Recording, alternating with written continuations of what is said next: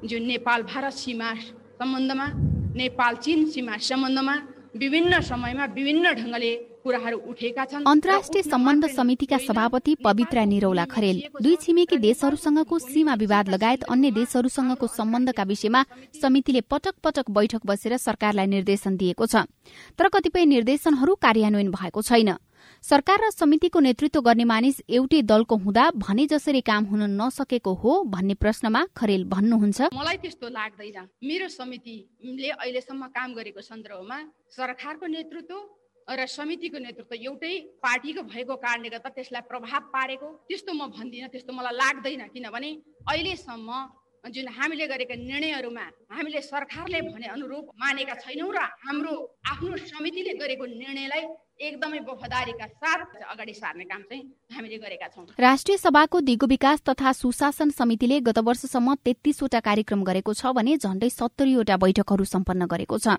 विशेष त समितिले दिगो विकासको लक्ष्य हासिल गर्न र ठूला गौरवका आयोजनाहरूको काममा गुणस्तरीयताका लागि भूमिका खेलिरहेको बताएको छ।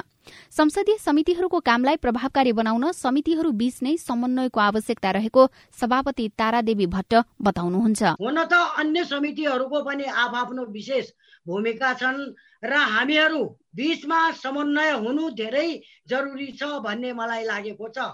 समितिले आफ्नो कार्यविधि बनाई बैठक व्यवस्थापन र सञ्चालन गरिरहेको छ।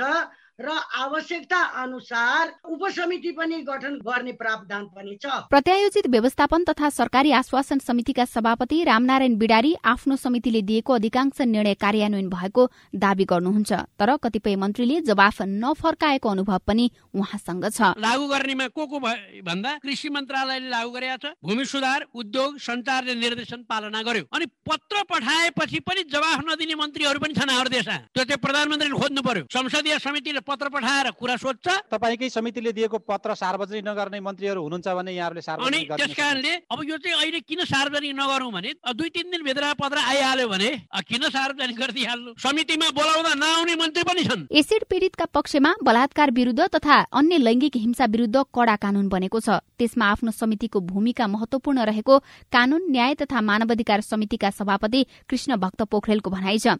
तर कार्यान्वयन फितलो हुँदा काम प्रभावकारी देखिएको छैन। होइन? त्यसमा यस्तो भयो। मानवीयता कार्यालयको संयोजकत्वमा प्रहरी समेत रहेर एउटा समिति त्यहाँ तत्काल हामीसँग उहाँले कमिटमेन्टै गरेर जानु भएको थियो र त्यो समितिले दस पन्ध्र दिनभित्रमा कानुनहरू पनि बनाएर कानुनको सन्दर्भमा उपचार त्यहाँ त अब अहिले के अवस्था छ भन्ने कुरामा अब हामी अहिले बिचमा अब यी चाडपर्व कोभिडले पनि हामीले निरन्तर काम गर्न सकेनौँ तर हामी गर्छौँ। विधान व्यवस्थापन समितिका सदस्य ठगेन्द्र प्रकाश पुरी भने बनेका कानूनलाई तल्लो तहसम्म पुर्याउन नसक्दा संसद र सांसदहरूले गरेको काम देखिन नसकेको टिप्पणी गर्नुहुन्छ।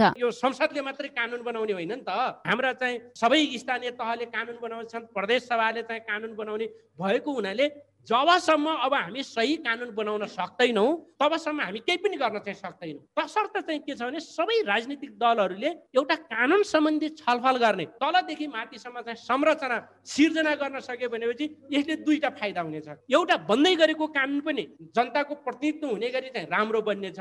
अर्कोतिर जो जो दलीय राजनीतिक पार्टीका चाहिँ क्याडरहरू चाहिँ त्यसमा सक्रिय हुन्छन् नि अब यो कानुन बनाउने ठाउँमा आउने उनीहरूको धरातल निर्माण हुनेछ। संघीय संसदले तीन वर्ष गुजारे पनि संसदीय समितिहरूले अढाई वर्ष मात्रै काम गर्न पाएका छन्। यो बीचमा जनहितका पक्षमा थुप्रै निर्णय र निर्देशन भए पनि कार्यान्वयन पक्ष फितलो हुँदा संसदीय समितिहरूको भूमिका कमजोर देखिएको छ। गीता चिमौरिया सीआईएन काठमाडौँ।